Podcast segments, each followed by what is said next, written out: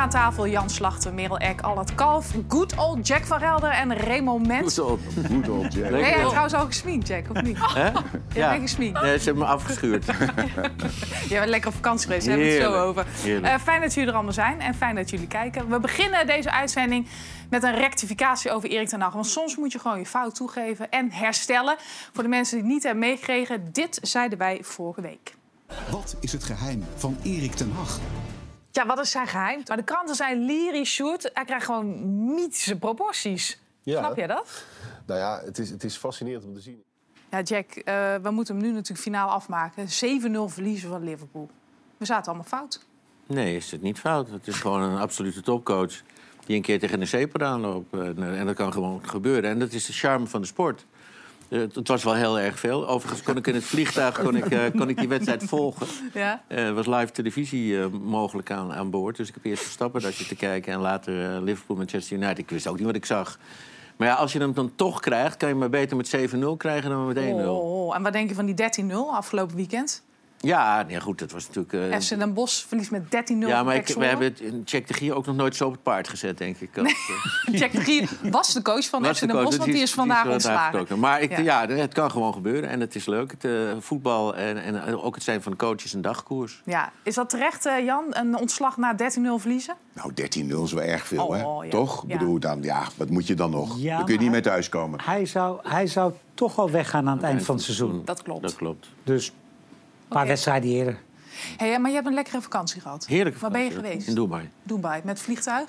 Zat, je- Nee, ik ben gaan lopen. Nee, Zat jij, in... zat jij in dit vliegtuig? Moet je even kijken. Want dat was een beetje misselijk daar. Je zat weer zeker te paffen, dat weet ik bijna zeker. Nee, dat mocht niet meer. Vroeger wel. Dan mocht je gewoon sigaren aan boord. Jezus.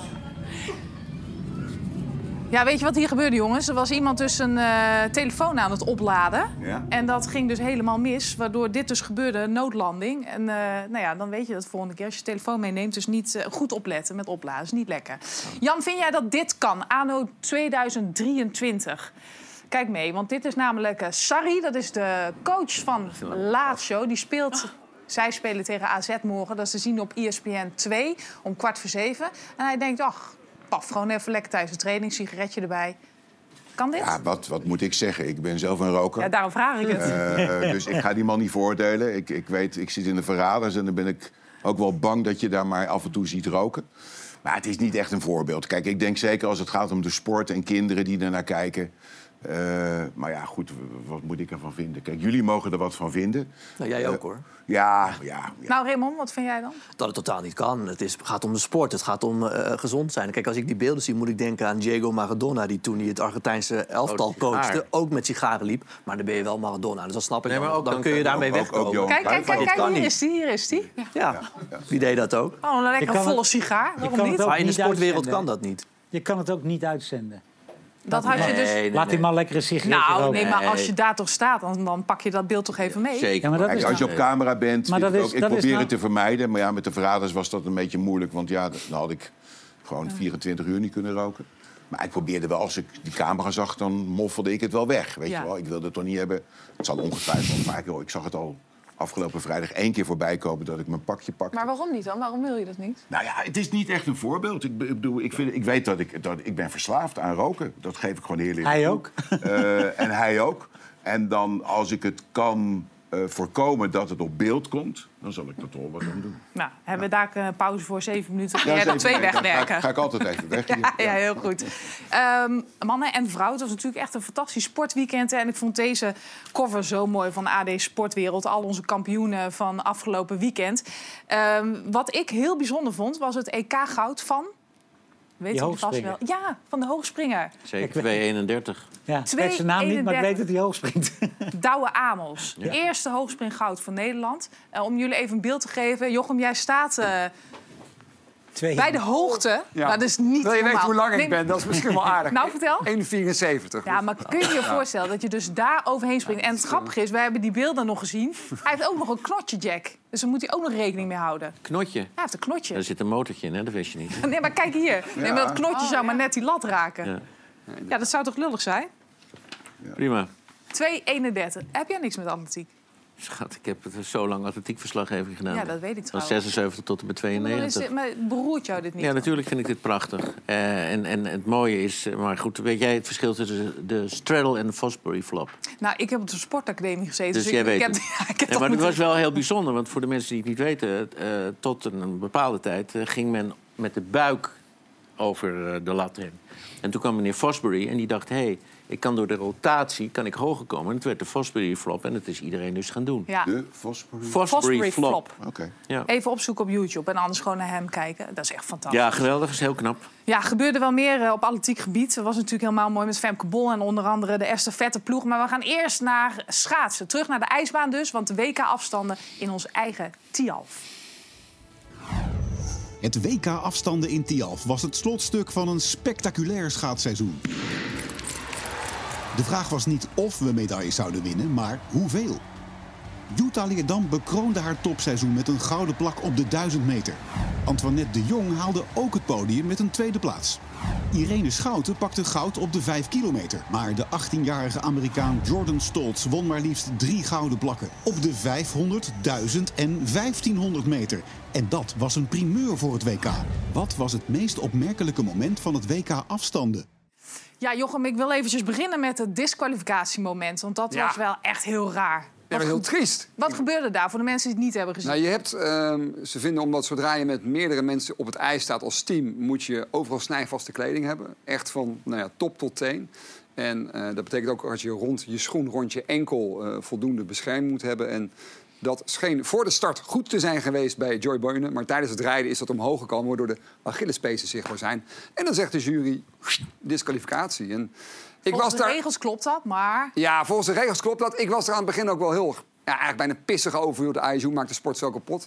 Was afgelopen weekend ook nog in Tialf. Toen we met een paar mensen erover gehad. En daarvan werd ook wel gezegd... Ja, we weten het ook binnen de massstart dat dat zo hoort. Dus ja, we hadden het als rijders... Moet je dat eigenlijk ook wel weten. En ik denk dat het ook gewoon wel heel duidelijk is. De ISU doet het gewoon keihard. Er is geen schaatser meer die deze fout maakt. Dus Nou, dat is dan één bijkomend voordeel. Ja. Maar het is natuurlijk wel eh, zuur om maar even Ja. sportterm te blijven. want- positief is dat ze gewoon heel goed reden. Dus dat kunnen we wel weer mee. Ja, oké, maar die... Ja, ja, nee, ja. Zo kan ik het was een Ja, maar als je heel goed rijdt en laatste wordt, dan ben je er ook Ja, niet... nee, dat klopt. Maar Ja. ik kijk ook wel graag naar het positieve. Er was natuurlijk een hoop Ja. te doen altijd over de ploegenachtervolging. En eh, de heren winnen en de dames eh, winnen en worden gedisqualificeerd. Maar er, is echt wel, er zit schot in de zaak. Dat Zo, vind ik, en dat mooi. deed De pijn. hand, de Dat hand we daar. Ritsma is dus duidelijk.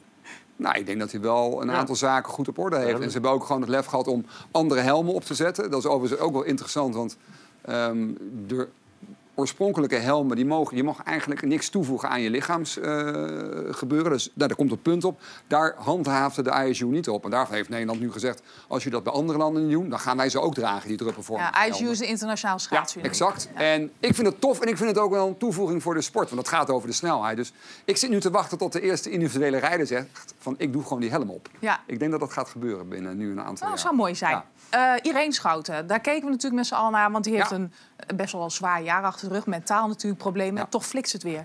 Ja, waanzinnig knap. Eh, ze had vier kansen. Nou ja, dat is... Ja, die, die, die vijf kilometer eh, gisteren... Daar wilden ze gewoon echt heel graag winnen. Eh, ze is op een schema weggegaan om uiteindelijk eh, rond die 6, eh, onder die 6,49 die er stond. Nou, ze zit er dik onder, ze rijdt door. En wat je ook ziet, ze heeft hier gas gegeven. Ze rijdt technisch hier gewoon goed. En let wel, ze komt zo meteen over de streep in 6,41, wat gewoon Nederlands record is. Hè? Ja, Ik zat er zelf naar te kijken. Ik denk, oh ja, een baanrecord. Ik zat in het stadion. En na, na de hand realiseer ik, nou, natuurlijk ook een Nederlands record. En ja, ik vind het heel mooi. En het is voor haar heel fijn. Ze had natuurlijk de dag ervoor de uh, menstart kunnen rijden met Marijke Ja. Groenewoud. Ja. Daar hebben ze altijd twee kaarten uit te spelen. Daar was het de kaart van Marijke. Nou, ja, mooie, eh, emotionele Jillers. Want ja, die is zo betrokken bij zijn, eh, bij zijn rijders en zo ook bij Irene. En ja, ik kan me er heel wat bij voorstellen dat als je eh, drievoudig Olympisch kampioen bent en het loopt niet lekker en iedereen kijkt naar je en het lukt niet, ja, dan begint dat op te bouwen. En als het dan wel lukt, dan komt daar heel veel emotie uit. Ook bij een Jiller. Dus ik vind dat wel, eh, wel heel mooi om te zien. ja klasse apart. Ja, zeker, zeker. Ja. Ook iemand waar we met z'n allen altijd naar kijken. Bovendien ook nog eens een fantastische vrouw om te zien. Is natuurlijk Jutta Leerdam. Ja, maar bij haar verwacht je wel altijd, die pakt ze wel. Ja, absoluut. Is dat de, de handicap die ze eigenlijk heeft? Nou, die handicap daar, die gaat ze met zich meedragen eh, de komende tijd. En hier ook de duizend meter. Zij heeft gewoon de kwaliteit om zo ontzettend hard die eerste ronde te rijden. En gewoon dan maar te kijken waar het schip strandt. Nou, Ja, wat is die kwaliteit? Is dat die spier... eh, nee, heel veel snelheid kunnen maken. En dat zag je al op de 500 meter komen, maar ze rijdt hier zo hard. Ze rijdt de rest van het veld gewoon op 1,2 seconden hè, op een 1000 meter. Dus, en wat ik heel mooi vind, je hoort het ook in de interviews, zij is heel erg, nou, ik moet op mijn taak gericht, ze zegt van, ja, proces, ik moet diep zitten, goed afzetten. En dan laat ze het ook wel zien. Ja. Dat, vind ik, eh, dat vind ik heel mooi. En ze is nog steeds, ze zegt, ik ben aan het bouwen, het is een proces richting uiteindelijk ja, dat Olympisch goud, wat ze natuurlijk eh, over drie jaar wil gaan. En wat ze nog niet heeft. Wat ze nog niet Nu is het wel zo dat alle schijnwerpers natuurlijk op haar zijn gericht. En iemand die een klein beetje wordt ondergesneeuwd, maar die echt geweldig heeft gereden, is Femke Kok. Ja, zeker 500 meter. Dat, had, ja, dat hadden we eigenlijk niet verwacht. Ze had niet zo'n goed seizoen. Twee jaar geleden reed ze een heel eh, solide. Dat was coronaseizoen. Ja. Won ze heel veel World Cups. Werd ze uiteindelijk tweede. En ik vond het wel leuk bij het interview uh, vanmorgen. Zei ze, ja, hoe is het dan? En dan worden er in de vraag gesteld van... ja, nou, ik denk dat ik misschien wel kan winnen als ik lekker rij. En ik heb wel... Het was heel positief. En je voelde een beetje dat de interview zo had van... ja, het zal me wel. Maar ze liet het wel gewoon zien. Hele goede opening. Hartstikke hard rondje. En ze wint gewoon de 500 meter. En dat was, dat zijn in Nederland best wel verwend. Maar het de eerste keer dat een Nederlandse vrouw de 500 meter wint. Ja, Dus dat is wat wel... het eh, extra knap maakt. wat het extra knap maakt. Of in ieder geval extra bijzonder, vind ik. In dat Ja. ja. Bij de vrouwen domineerden we natuurlijk eh, gigantisch. Maar eh, ik wil even Jordan Stolz eruit Ja. halen. Hebben, hadden jullie ooit van hem gehoord, Allard? Ja, toevallig een paar weken geleden. Toen kwam hij ook al voorbij in Ja. Polen, volgens mij, te- voor het Ja. eerst. Toen, eh, toen zat hij bij mij in ieder geval voor het eerst op het netvlies. En hij is volgens mij ook nog wereldkampioen junior geworden. Klopt. Ja, Jordan Ja, hè? Stolz is 18 jaar. Je moet even uitleggen voor de mensen die geen schaats hebben gekeken... wie hij is en wat hij heeft bereikt afgelopen weekend. Nou ja, Jordan Stolz, 18 jaar eh, als junior inderdaad wereldkampioen junioren geworden. Maar als je als junior de senioren gewoon op drie afstanden naar huis rijdt... dit is dus nog nooit gebeurd. Er was ooit Eric Heiden natuurlijk die eh, op vijf afstanden Olympisch goud won. Maar we moeten wel weten in het totale tijdsbeeld. Toen was specialisatie was er eigenlijk nog niet. Art Schenk eh, werd eh, wereldkampioen allround met het winnen van vier afstanden. Overigens hoef je er toen nog maar drie afstanden in een toernooi te winnen. Dan was je het ook maar. Die kon dat ook. Maar toen hadden we nog geen specialisaties. En als je nu 500, 1000, 1500 wint. Ja, ik heb het nog nooit meegemaakt. Niemand Nee, eigenlijk. wat zou Kjell Nuis denken, denk je, Jack? Die moet ik denken, ik ben 33. Ja, ja wat, wat, eh, wat coureurs denken die tegen Verstappen moeten rijden. Van, eh, laten, we, laten we proberen tweede te worden. Want deze jongen gaat natuurlijk een gouden toekomst tegemoet. Dat is gigantisch. Ja, maar ook hier is het natuurlijk weer oppassen. eh, want dat hebben we, we Ah. hadden het er straks even over. Eh, hoe gaat het lichaam verder? Hoe gaat het lichaam verder? Hij zal natuurlijk harder gaan trainen om harder te willen rijden. Ja. We moeten wel meegeven, ook Kjeld zat er slechts 23 honderdste achter. Ja, oké, Ja. dat is Dus, waar. maar dat is, dat is een verschil op een 1500 meter wat groot is, Ja. maar wat niet onoverbrugbaar is. En ik denk als Kjeld een stapje bij kan zetten nog, wat op zijn leeftijd niet altijd even makkelijk is. Dan, ja, ik vind dat Kjeld daar, hij mag heel trots zijn. Als je kijkt hoe lang hij ook op, de, op het hoogste niveau zit op een 1500 meter. En datzelfde geldt voor Thomas Krol die derde wordt. Dus Overigens werd Wesley Dijs vier, dus was Jordan Stolz niet geweest. Dan hadden we een Nederlands podium gehad. Hadden we gezegd, veel dat schaatsen, dat, al die Ja, Nederlanders. Maar die Ja, Jordan, maar die precies. Jordan die mag, hè? Die, die hoeft nog niet. Hè? Ik bedoel, Nee, die nou- kan frankenvrij schaatsen. En kijk, volgend jaar is hij de te kloppen Dat man. gaat veranderen nu. En, dat juist, Ja. hè? en dat vind ik het knappe van, van mensen als Kramer en Wust. En, en, Ja. En misschien ook wel Jutta Leerdam nu. Die gewoon, Ja. ze moeten en ze, en ze presteren. Max Verstappen. Ik kwam hem gisteren tegen, Jordan Stolz, dus ik feliciteerde hem. Ik zei, ja, ik moet het toch even toelichten. Ja, ik was die jongen die naast Derek Parra op het podium stond in Salt Lake. Ja. En de 5 en 10 won. Toen zag ik hem echt zo Oh, kijken. kende Oké, het zal wel. Nee, ja, maar hij is in 2004 geboren. Dus, dus Ja, ja, ja. misschien dat hij daarna nog heeft Ja. opgezocht. Wie is Maar- Derek Parra? Ja. Nou, nou ik neem aan dat... Jochem, hij weet het als nu wel. hij wel kennen. Maar Heel een geweldige uitdaging voor die Nederlanders om, om hem zeker. op te Ik jagen vind, nu. ik vind het fantastisch. Ik bedoel, de Nederlandse vrouwen rijden waanzinnig goed. De Nederlandse heren, Patrick Roest wint de 5 Ja. kilometer. Maar, en ik, ik krijg heel vaak discussies over mensen. Ik vind het wel mooi dat er ook gewoon mannen zijn uit andere landen dan Nederland... die gewoon titels Zeker. pakken. Het is Tuurlijk. zo belangrijk voor de sport in de breedte. Van de Niels- Niels van 18-jarige der Poel. gaan we naar eh 65 plus. Een klein stapje. Heel hard. maar, Ja, ik Het is een gesprek met jullie twee. Ja. Het is volgens eh UWV de oplossing voor de vergrijzing en het personeelstekort. Laat werknemers na de pensioensgerechtigde leeftijd doorwerken. En maak dit duidelijk tijdens een standaard exitgesprek. Jan, wat Ja. vind jij? Want jij bent vrijdag 69 geworden. Ja, klopt. Gefeliciteerd. Dankjewel. Eh kijk, als het vrijwillig is en er is een tekort in heel veel branches zijn, zijn, zijn er eh, zijn tekort aan werknemers. En ik hoor van heel veel mensen dat ze graag door willen werken.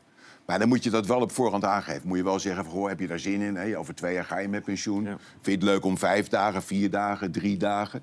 Eh, maar bij sommige eh, branches is het, is het weer niet toegestaan. Volgens mij bij rechters en Klopt. doktoren en zo. Die moeten, ja, mensen willen, er is een groot tekort bij de eh, gerechtelijke macht.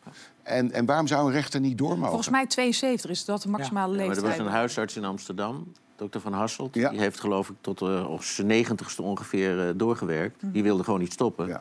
En de patiënten liepen met hem weg. Ja, maar Ja. de zorgverzekering begon met worstelen. Ja. Dat niet alles vergoed Ja, werd en zo. ja, klopt. Als mensen door willen werken, graag. Mensen met zware beroepen. Ik kan me heel goed voorstellen dat er een grote groep is in Nederland. Alsjeblieft, laat mij met pensioen gaan. Bijvoorbeeld de bouwvak. De bouwvak of Ja. mensen die, die het vuilnis ophalen. Of, of nou, we hebben het altijd over de stratenmakers. Zo'n zo'n stereotyp beroep waarvan we zeggen dat is zwaar. En dat is zwaar. Eh, maar als je nog zin hebt om iets... Je kunt ook natuurlijk zeggen, ik ga met pensioen, 67... maar ik ga iets anders doen. Want eh, waarom niet? Ik bedoel, dat kan ook. Nou, ik heb ooit, ooit een keer een heel, heel bijzonder gesprek gehad. Want Frank Rijkaard die kan heel filosofisch worden soms. En dat hebben we wel eens een aantal keren meegemaakt dat het dan laat wordt. En dan ging hij over allerlei dingen. En die had een fantastisch plan. Dat blijft nog steeds in mijn hoofd zitten.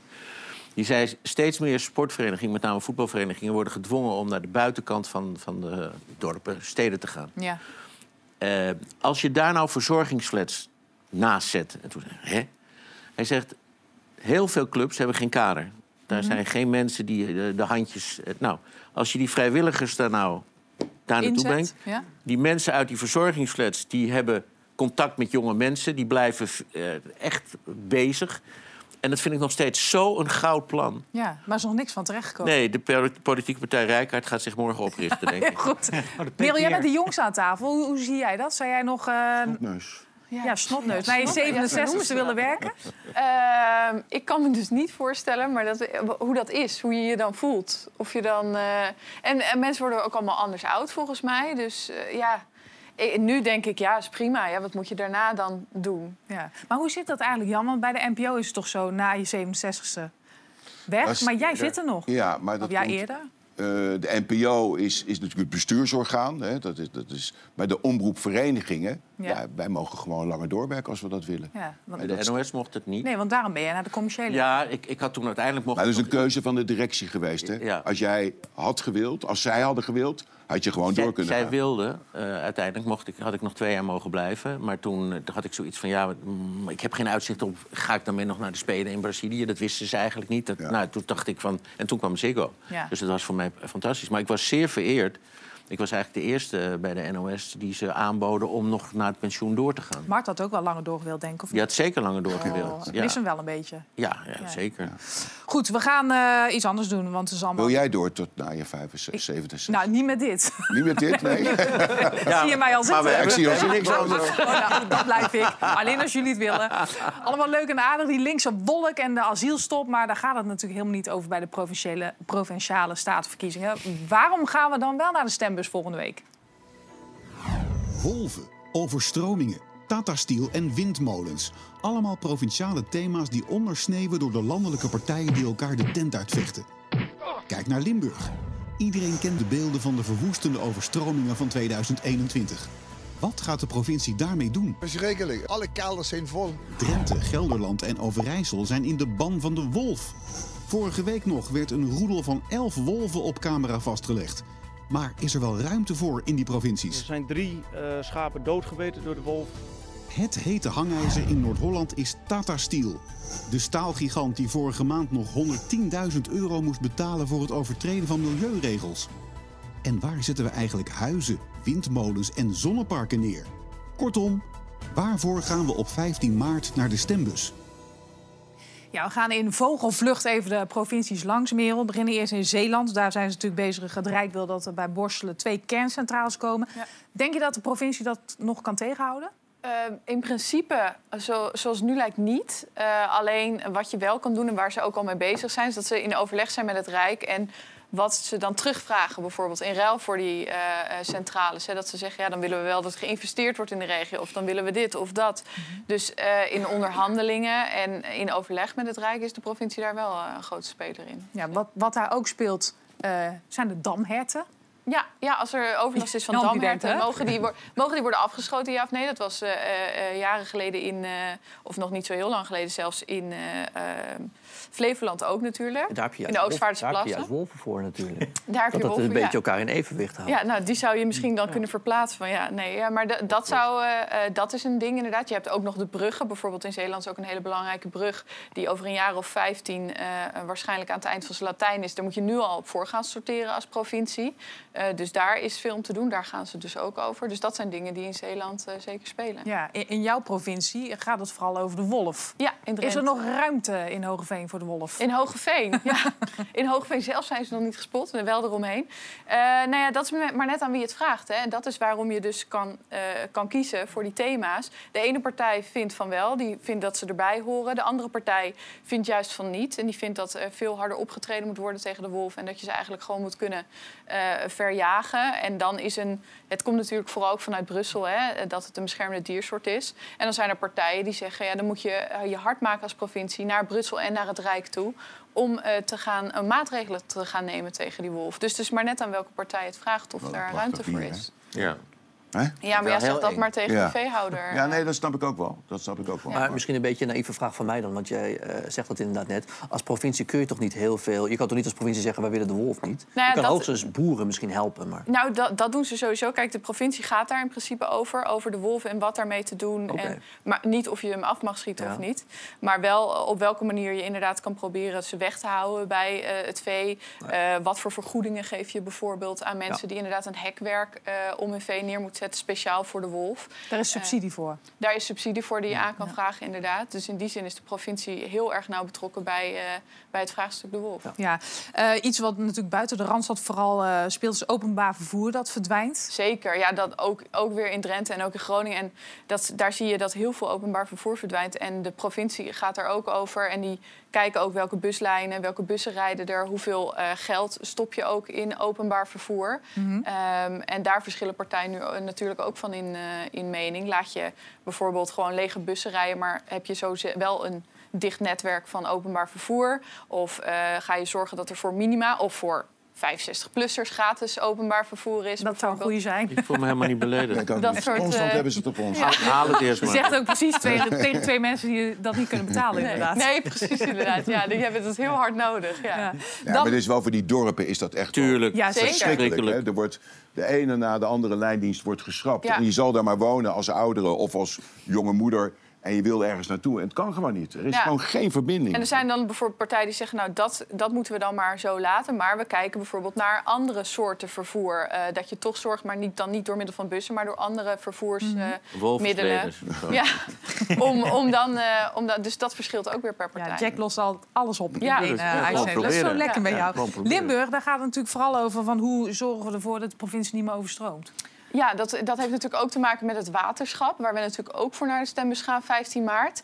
Eh, en daar zie hier, kijk, hier is iedereen bij betrokken. Het Rijk, de provincie, het waterschap, eh, de gemeente zelf. Die zijn allemaal aan het kijken hoe kunnen we nou zo'n eh, hoge waterstand eh, eh, weer voorkomen en hoe kunnen we eh, verschillende Daar gemeenten gaan ook een beetje inrichten. mee helpen, volgens mij. Daar kan het vandaan, toch? Ja, het, gaat, het, gaat, het is bijna grensoverschrijdend inderdaad. En, en dan in de fysieke grens be- bedoel ik, eh, grensoverschrijdend inderdaad dit probleem. Dus, maar de provincie speelt wederom hier een belangrijke rol in, eh, in overleggen met al deze verschillende Je stipte lagen. net Groningen al eventjes aan. Ja. Hè? Er is natuurlijk dat rapport uitgekomen over de gaswinning. Ehm, ligt op bureau van Rutte. Heeft hij inmiddels al gereageerd? Of Eh, nee, die gaan nog heel, heel lang wachten? Nou ja, de 2000 pagina's en het moet allemaal, eh, ja, voordat ze met de kabinetsreactie komen. Eh, de, je hoort inderdaad geluid aan de ene kant, ja, maar op zo'n rapport komt nooit zo snel een antwoord, want het is nou eenmaal heel veel. En daar moet een gedegen, afgewogen reactie op komen. Aan de andere kant zeggen mensen, en ook Groningers, ja, hé, hey, hallo, je hebt nu meer dan een week de tijd gehad om dat rapport te lezen. Een eerste inhoudelijke reactie over op zijn minst dan je eigen rol, zouden we nu wel eh, waarderen. Hè? Zijn argument was op die vrijdag, ik moet het echt nog even lezen. Maar na een week eh eh, reces eh, moet Maar dat in nu wel gebeurd zijn. leest hij dat toch nooit? Er zijn toch mensen die het forum lezen... en uiteindelijk een soort uittreksel maken van dat zijn de belangrijke punten. Nou, maar er is Hij kan het- het weten. Dan moeten die mensen het nog steeds lezen.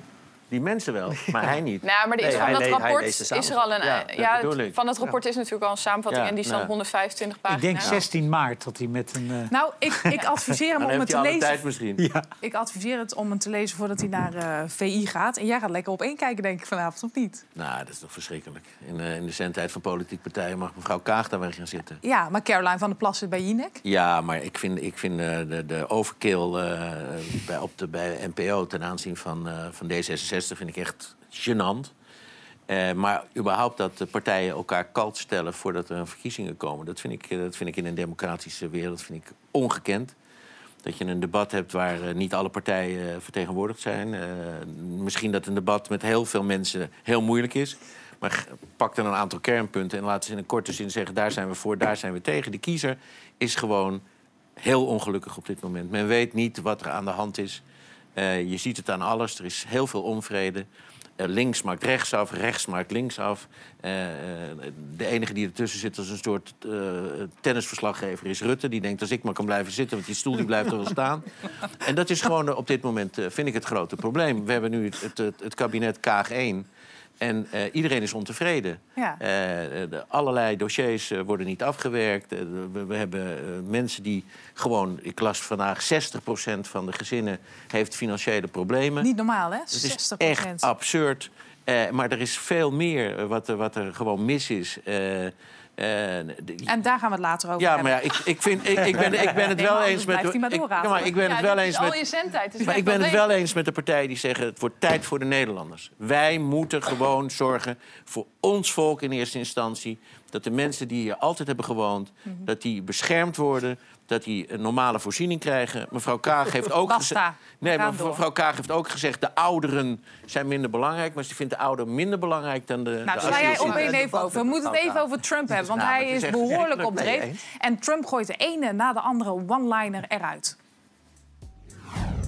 Het was een warm bad voor Donald Trump. De CPAC, de conventie waar conservatief Amerika jaarlijks bij elkaar komt.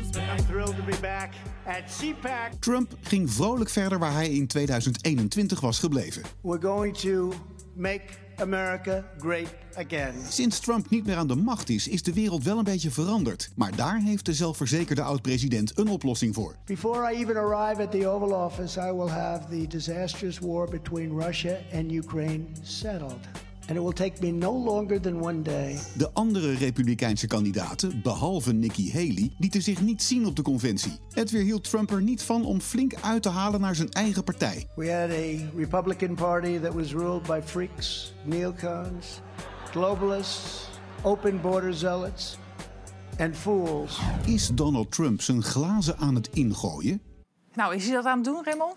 Nee, eh, want hij zegt op die conferentie precies wat onder heel veel Republikeinen leeft. Eigenlijk zegt hij daar precies wat Jack net zegt over de Nederlandse politiek. Namelijk eh, laten we Amerika weer op één plaatsen. Dat zegt hij natuurlijk al een paar jaar lang. En eh, wat je bij de Republikeinse Partij momenteel ziet, is dat er. eh, kijk, de grootste stroming in die partij dat is het Trumpisme. Daarom zeg ik ook altijd: Trump kan morgen onder de tram komen. Eh, dat Trumpisme leeft wel door.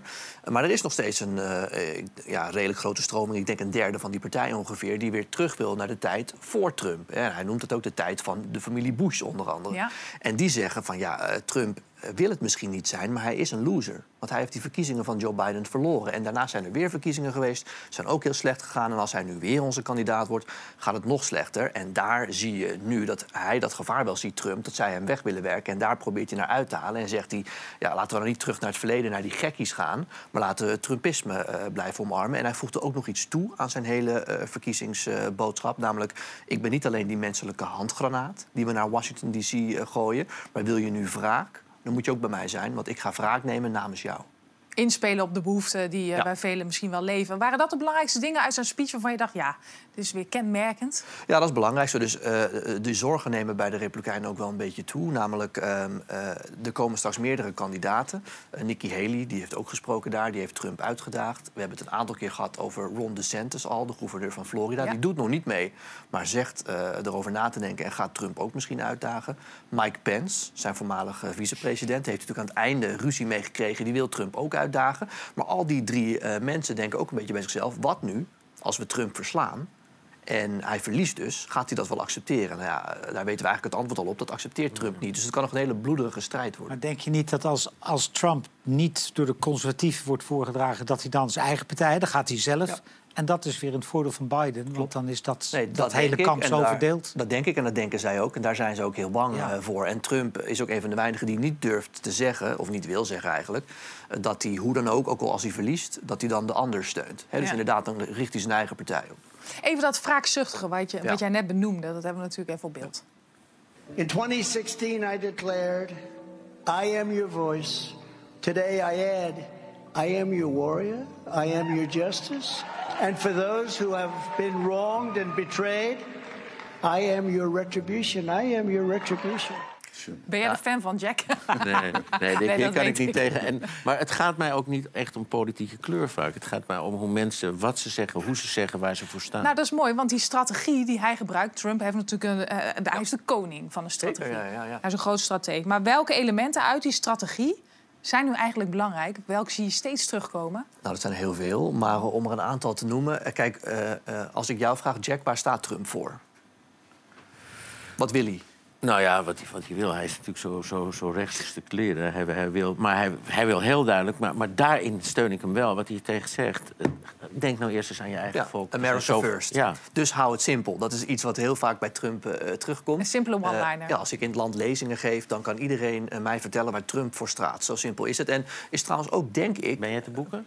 Ik ben te boeken, zeker. Ja, ja, ja. Is trouwens eh, nog heel veel. Oh, trouwens, leuk om te vermelden. Eind deze maand sta ik in theater in eh Dalfsen. De stoomfabriek. En er zijn nog kaarten te kopen. Maar dat terzijde. Ja. Wat Ehm, een commerciële. Is, Hey, als- als- als je voor de zit een doellijn pauze, ligt, Jack, zit er een dan- pauze tussen? En-? Dat Geen we- pauze. oh. Zet, Jack, zet jij Jack vooraan? Of Ik vind het heel gezellig. Nee, nee, nee. nee. Maar ik heb ook iemand al. nodig die de vragen hengelt eh, bij het publiek. Dat kan jij misschien doen. Zeker, ik ben enorm Ervaring heb je. En het is denk ik ook modern, omdat eh, die oude links-rechts tweedeling bestaat ook in Amerika steeds minder. En Trump eh, is eigenlijk een van de weinige politici met een verhaal. Namelijk, we plaatsen Amerika weer op één. En de Democraten hebben volgens nog als enige verhaal. Wij zijn Trump niet. Eh, dus het is een heel modern verhaal en dat herhaalt hij eh, heel vaak. En wat je bij Trump heel vaak ziet, is dat hij toch heel onorthodox te werk gaat. Dus dingen anders doet dan gebruikelijk. Eh, bijvoorbeeld, hè, je zou normaal een politicus niet adviseren om zijn partijgenoten af te vallen. Trump doet dat wel en scoort daar punten mee. Dus dat is bij heel veel. eh, Ik heb eh, vooral het idee dat Trump opeens staat met Trump, hoor. Toch. Trump staat op één bij Trump. dat klopt. Ik twijfel daar nog over. Ja. En, en wat je ook bij Trump vaak ziet, is dat, eh, en dat zie je in Nederland ook steeds vaker, Trump denkt, alle PR is goede PR. Dus zolang ik maar alle zuurstof opzuig en in de media sta en het gaat over mij, dan ben ik aan de winnende hand. En voorlopig heeft hij daar gelijk. Maar hij zegt niet, dat weet ik niet meer. Daar heb ik geen actieve eh, herinnering meer aan. Of dat moet ik nog lezen. Hij heeft nooit gezegd, I don't have an active memory. Nee, nee, nee, maar ik bedoel, er staat iemand en daar hou je van of daar hou je er niet van. Maar er staat iemand. En daar kan je, dat- het is een soort kapsel. Dat is toch met Mark Rutte, even los van eh, wat er allemaal is gebeurd... is dat toch ook? Er staat Nee. toch ook iemand? Ja, nee, er staat een slappe hap. Het is een ontzettende... Nee, dat is een ontzettende aardige... Dat is natuurlijk niet helemaal waar. Het is een ontzettende aardige man. En eh, prima, maar hij manoeuvreert aan alle kanten om er te blijven. Dus ik vind het een hele aardige vent. Wat vind jij, Maar- Jan? Staat er iemand Maar of ik niet? vind het geen Ik leider vind wel van dat er iemand staat. En Ja. bedoel, je kunt ook zeggen van ja, hij is misschien een paar jaar eh, te lang doorgegaan. Dat, dat zou mijn kritiek zijn op Mark Rutte nu, als ik dat allemaal zo overzie. Je enige kritiek? Nou, nee, dat is wel meer. Maar ik bedoel, hij heeft wel natuurlijk in al die jaren... je kunt zeggen wat je van hem wilt...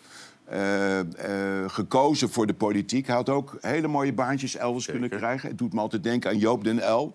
Die altijd, wel een andere politieke kleur... maar die altijd die, die, die krappe bankjes in de Tweede Kamer heeft gezeten. Nooit gekozen heeft voor het bedrijfsleven. Eh, en Mark Rutte is wel een politiek dier. En, en eh, je kunt het niet met hem eens zijn. Maar om nou te zeggen van... Ja, maar- Nee, maar ik vind hem geen echte leider. En ik vind dat Oh, juist, dat vind ik dus ju- juist, wel. juist ik vind in deze juist in tijd je... crisis- Jack, in crisistijd is die man wel een leider. Je kan, hij, heeft, hij heeft een heleboel dingen niet goed gedaan. Maar toen corona, luister, toen nu? corona was, liep heel Nederland achter die man aan. En daar stond met die eerste persconferenties... Zeker. daar stond absoluut iemand. Dus je kan niet zeggen dat die man slappe hap is. Je hoeft het helemaal niet met hem eens te zijn... maar om alleen maar te roepen, het is slappe hap, want hij heeft daar geen... Ge en joh, het zijn, het zijn in Den Haag eigenlijk allemaal slapjanussen. Want ze lopen elkaar alleen Ja, maar goed. Vliegen af te vangen in plaats van het land te regeren. Juist. En of dat nou de. Tweede Kamerleden zijn of die ministers, dat maakt geen zak Dus uit. slappap. Het zijn allemaal, ja, maar het zijn toch eigenlijk allemaal mensen zonder ruggraat, chef- hij is chef behalve Kees van der Staaij. Die heeft ruggraat, die staat ergens voor. Maar Hoef je het niet mee eens te zijn. Speelt, maar speelt ook bij, en daar moet ik even bij zeggen... ik ben lid eh, van de VVD. Ja, maar dat, ook, dat wil ik wel zeggen. Dat, dat wisten wij al. Dat wil ik, dat wil ik er wel bij zeggen, anders denken mensen... Huh?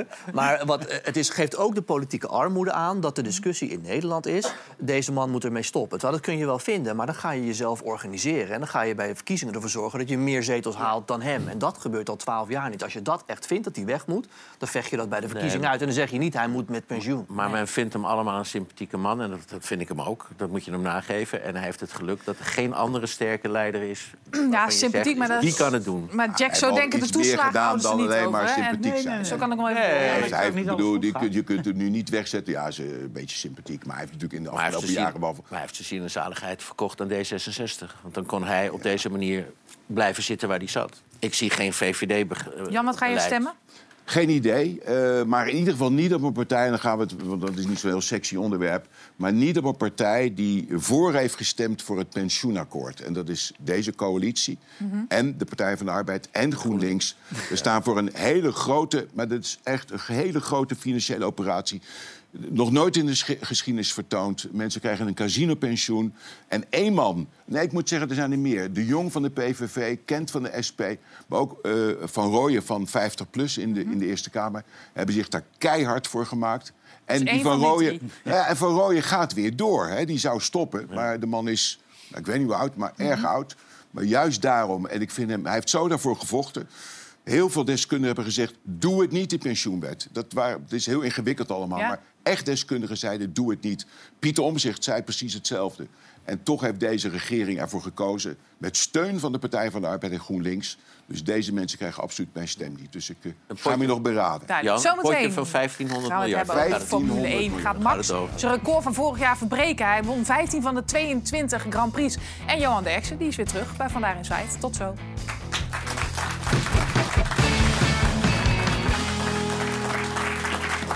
Welkom terug. Zo, we gaan het lekker hebben over Formule 1 en sport. Vind ik altijd. Daar moet je allereerst naar kijken.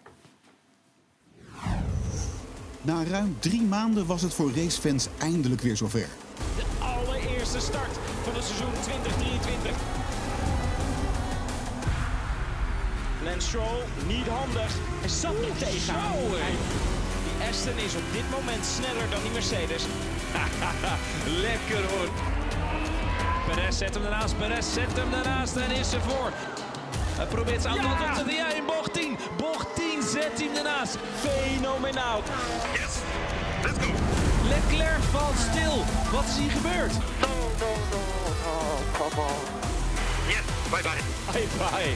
Zo, het moment waar Alonso al jaren op heeft gewacht. De eerste race is een prooi voor Verstappen op fantastische wijze. Van start tot finish dominant. Zo wil je een seizoen beginnen. Gaat de top 3 van deze race de rest van het seizoen bepalen? Heb jij genoten, Raymond? Jij bent een liefhebber. Ja, zeker. Ja, vooral omdat het alweer een paar maanden geleden was eh, natuurlijk. Dus daar ben ik even lekker voor gaan zitten. Al moet ik wel zeggen dat de eh, races waar het natuurlijk wat spannender is... en eh, Max moet vechten voor de overwinning... die zijn natuurlijk wel wat leuker om te Maar hoe kijken. kijk jij? Ben je, ben je dan type met een zak chip naast je en een biertje? Of...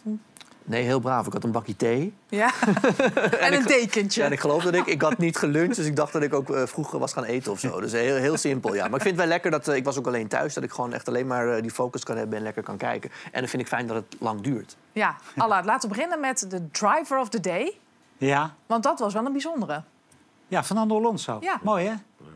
Ja, ik vind het 40er. mooi, maar leg uit waarom. Mensen, mensen boven de 65 mogen gewoon doorgaan met Formule 1 racen, toch ook? Nee, ja, ik bedoel, het is eh, Fernando Alonso stuk. Hij, 22 jaar geleden maakte hij zijn debuut in de Formule 1. Is een paar jaar weg geweest. En dan is hij zo gedreven en heeft hij dit soort acties op Carlos Sainz, landgenoot. Eh, Carlos Sainz, klein foutje. En dan gaat hij er hieraan voorbij, aan de binnenkant. Sainz knijpt er nog af. Alonso zegt toedeledokie. En dan op die radio ook net...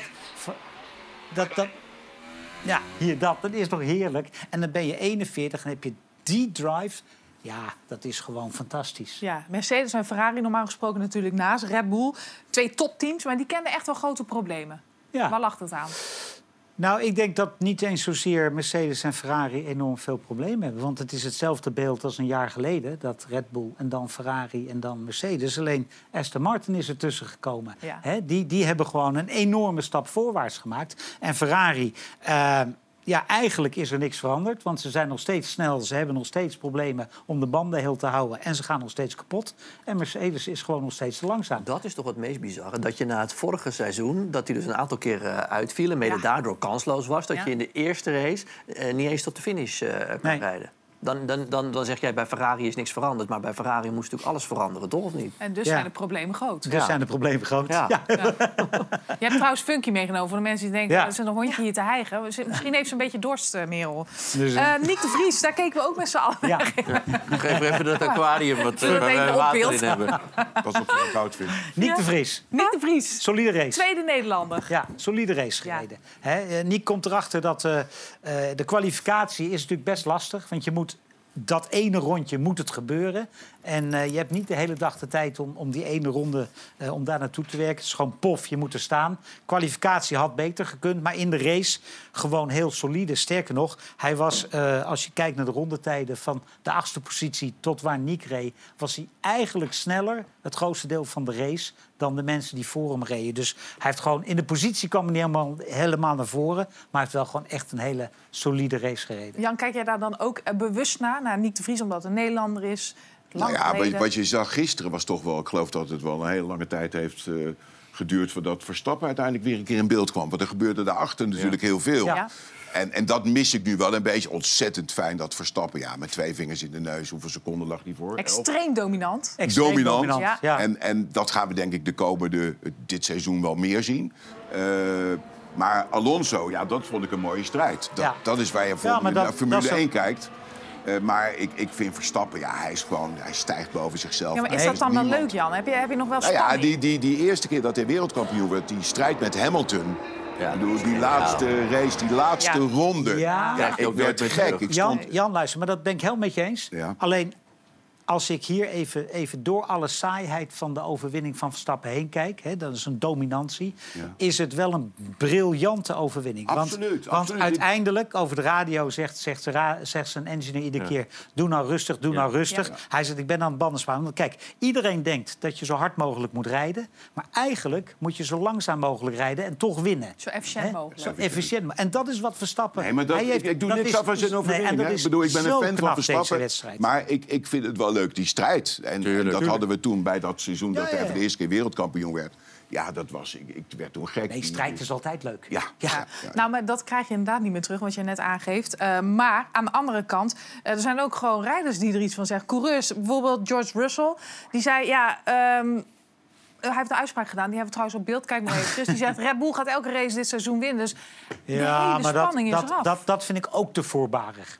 Hè, want, beetje want frustratie, het is, kijk, eh Bahrein is heel specifiek. Daar heb je een auto die kan in de, in de kwalificatie niet zo goed zijn, in de race wel. Zag je bij de Red Bull, die was in de race oppermachtig. Kwalificatie zat Ferrari echt heel di- dichtbij. Ja. We gaan nu naar Jeddah, compleet ander circuit. Veel meer lange rechte stukken. Eh, daar kan het zomaar zo zijn dat, dat Ferrari veel dichterbij staat. We gaan daarna naar Australië. Weer een heel ander circuit met specifieke eh, karakteristieken. Dus laten we nou eerst even drie, vier wedstrijden afwachten. En dan kijken hoe het is. Maar Ja, is om nu een- al te zeggen... Een hele rare uitspraak. Ja. Als je dit nu al zegt. Hetzelfde als dat Ajax zegt, ja, Feyenoord gaat elke, elke wedstrijd. Ja, dat is- dat is- ze blij zijn in Rotterdam? Ja, dus, Hey, maar je zou bijna zeggen van Liverpool gaat nu eh, de rest van het seizoen alles met 5-0 winnen. Ja. dat, is, dat, is, dat slaat natuurlijk nergens op. Maar wat vinden zijn technici hiervan? Ik bedoel, als ik eh team Mercedes zou zijn en mijn rijder zegt dit, dan zou ik niet blij van worden. Ja, maar bij Mercedes hebben ze hele andere problemen dan dat wordt wat George Russell allemaal zegt. Ah, maar een beetje daar- in de underdog-positie kan natuurlijk ook een beetje... Nou, maar hij is dun. Kijk, die, bij Mercedes hebben ze natuurlijk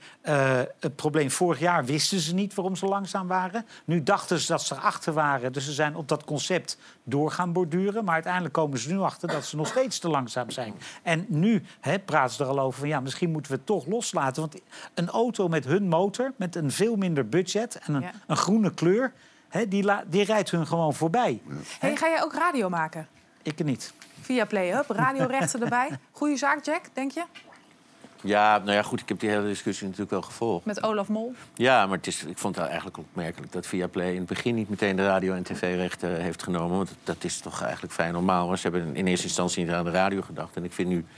Ik vind het Nou, sneu. volgens mij, Jack, volgens mij was dat eh, niet... Dat, die waren toen niet op de markt, volgens mij. Ja, maar dan hebben ze toch iets opengelaten. Remo, jij Oh. vond er wel wat van, hè? Jij vond dat Olaf Ja, Mol jij niet zo ging er opeens mee bemoeien. Ja, sorry, mag dat niet? Ja, natuurlijk mag je er mee bemoeien. Kijk, hier is ik was- tweet. ik was man, man, man, deze gast heeft 30 jaar lang, op een leuke manier dat wel, de Formule 1 becommentarieerd. Maar er komt een moment dat een nieuwe generatie de kans krijgt. Accepteer dat en stop met zeuren. Je was er klaar mee. Ja, omdat ik een beetje moe van hem word, eh, van Olaf Mol. En, en terwijl ik jarenlang met plezier naar zijn commentaar heb geluisterd. En volgens mij een aardige kerel, daar gaat het allemaal niet om. Maar als je dat 30 jaar lang doet, is ook een voorrecht. Hè? Dat je, zelfs als dat Jack de officiële commentator van alle Oranje-wedstrijden zou zijn. En of de Champions. League. Ja, en dan is het helemaal niet gek. Komt binnenkort en Marble weer. Media, Ja, dat op een een gegeven moment... na Dalfsen. Dan is het helemaal niet gek dat je werkgever, in dit geval een nieuwe werkgever... want die rechten zijn overgegaan, eh, zegt van we willen nieuwe mensen de kans geven. En ik vind trouwens dat die twee gasten dat superleuk doen. Dus dan denk ik van accepteer dat nou. Probeer desnoods met die gasten, Ja. als je niet vindt dat ze het niet goed doen... ze wat tips te geven. Maar ga dan met eh, pensioen op een leuke manier... Hij en blijf niet baalt. Steeds zo zeuren. Zijn, zijn liefde is afgepakt. Ik snap het wel een klein Ja, ja, beetje ja, dat hij ja. daarvan. En ik snap via Play ook dat ze die Jij rechten... vindt het ook Ja. leuk om eh, voetbal te doen. Maar als je na 30 jaar misschien een Nee, dan wat zit ik er nog doen, steeds. Ja, Daar nou ja, niemand ja, over radio, hey, over radio Als je gesproken. nou niet zo gaat zeuren. Hij, hij was natuurlijk met voetbal een legende op de radio, hè? Oh ja? Jack. Ja, ik vind wel. Jack was natuurlijk gewoon. Ik wil, dat Hey, is denk gewoon je ook hij op de radio is 150 keer leuker legende. dan hij op tv. Maar zou Jack ook de plaats... Ik heb het niet gehoord. Nee, ik ook niet. We gaan ik, door. zeg, ik zeg Jack op de radio is 150 keer leuker dan Jack op tv. Maar zou Jack... En dat zeg ik ook als je er niet bij Dit bent. wordt een heel gek gesprek. Maar dat, plooi vindt het niet echt dat je dat zegt. Nee, zou Jack ook eh, een goede vervanger zijn van eh Derksen, denk je? Ja, Oh ja? ja, tuurlijk. Jan? Nou, er is maar één Johan Derksen. Zeker. Hij is de godvader van de show. Ik heb gehoord dat hij vanavond weer terug is. Ja, hij is weer terug. Gelukkig. En ja, het was natuurlijk een beetje behelpen zonder Zo. eh, onze vriend. Nogal. En eh, dat hebben ze zelf denk ik ook wel gemerkt. Kijk, hij is het programma. Eh, natuurlijk, de andere twee heb je er ook voor nodig. Maar zonder Johan Derksen heb je geen eh, goed Ik ben wel blij dat hij beter is. Want als je die leeftijd hebt en je bent zo ziek... dan ben ik altijd blij dat Wat mensen gewoon weer beter Is worden. griep. Griep volgens mij. Maar dat Maar kan- het is, dit is een gouden trio, Ja. laat het duidelijk zijn. Ja, ja, ja. Nog even voordat we het vergeten direct. Neymar eh, was behoorlijk geblesseerd. Ja. En ik heb ook gezegd, eh hey, zijn zus is binnenkort jarig, 11 maart. Hey, kijk, wacht, wacht, wacht. Kijk daar eens. Jack met haar. Goed zeg dit. Jawel, Jack zou zo passen. Ja. Ik zie het niet. Ja, ze zijn weer creatief geweest, jawel. Jack, hier. Nee, maar vertel. Eh, die eh, blijkt nu een eh, hele zware enkeloperatie eh, te krijgen. Dus die gaat het hele seizoen niet meer spelen. Nee. Dus, eh, maar zijn zus is niet toevallig jarig. Die blijft jarig op 11 maart, volgens mij. Ja. Ze zijn allemaal uitgenodigd. Hij is onderweg. Ja. Nou, maar ik zeg dat omdat hij altijd geblesseerd is rond die Ja, tijd... hij wanneer zijn zus jarig is. Daar naar wil hij bij zijn. Ja, niet. Ja, ja. wil hij bij zijn. Maar dit Maar is dit wel- is echt een Dit is wel hele echt vervelende enkelblessure. Ja, precies. Goed, eh, we zijn aan het einde gekomen van deze aflevering. Normaal zit ik ook op dinsdag, maar morgen doe ik om kwart voor zeven... de wedstrijd eh Lazio AZ te zien op Veronica. Ga je naar Rome? Hier. Wat zei je? Ga je naar Rome? Eh, nee, nee, ik Oh, doe het hier vanuit de oké. studio. Is trouwens ook te zien op ESPN 2. Dus kijk maar even waar je naar wil kijken. Of naar half acht, dat kan natuurlijk ook. Sam die zit hier morgen samen met Filemon Rutger en Wim Daniels. Jullie allemaal bedankt aan tafel. De funky de groetjes en eh, bedankt voor het kijken. Bye.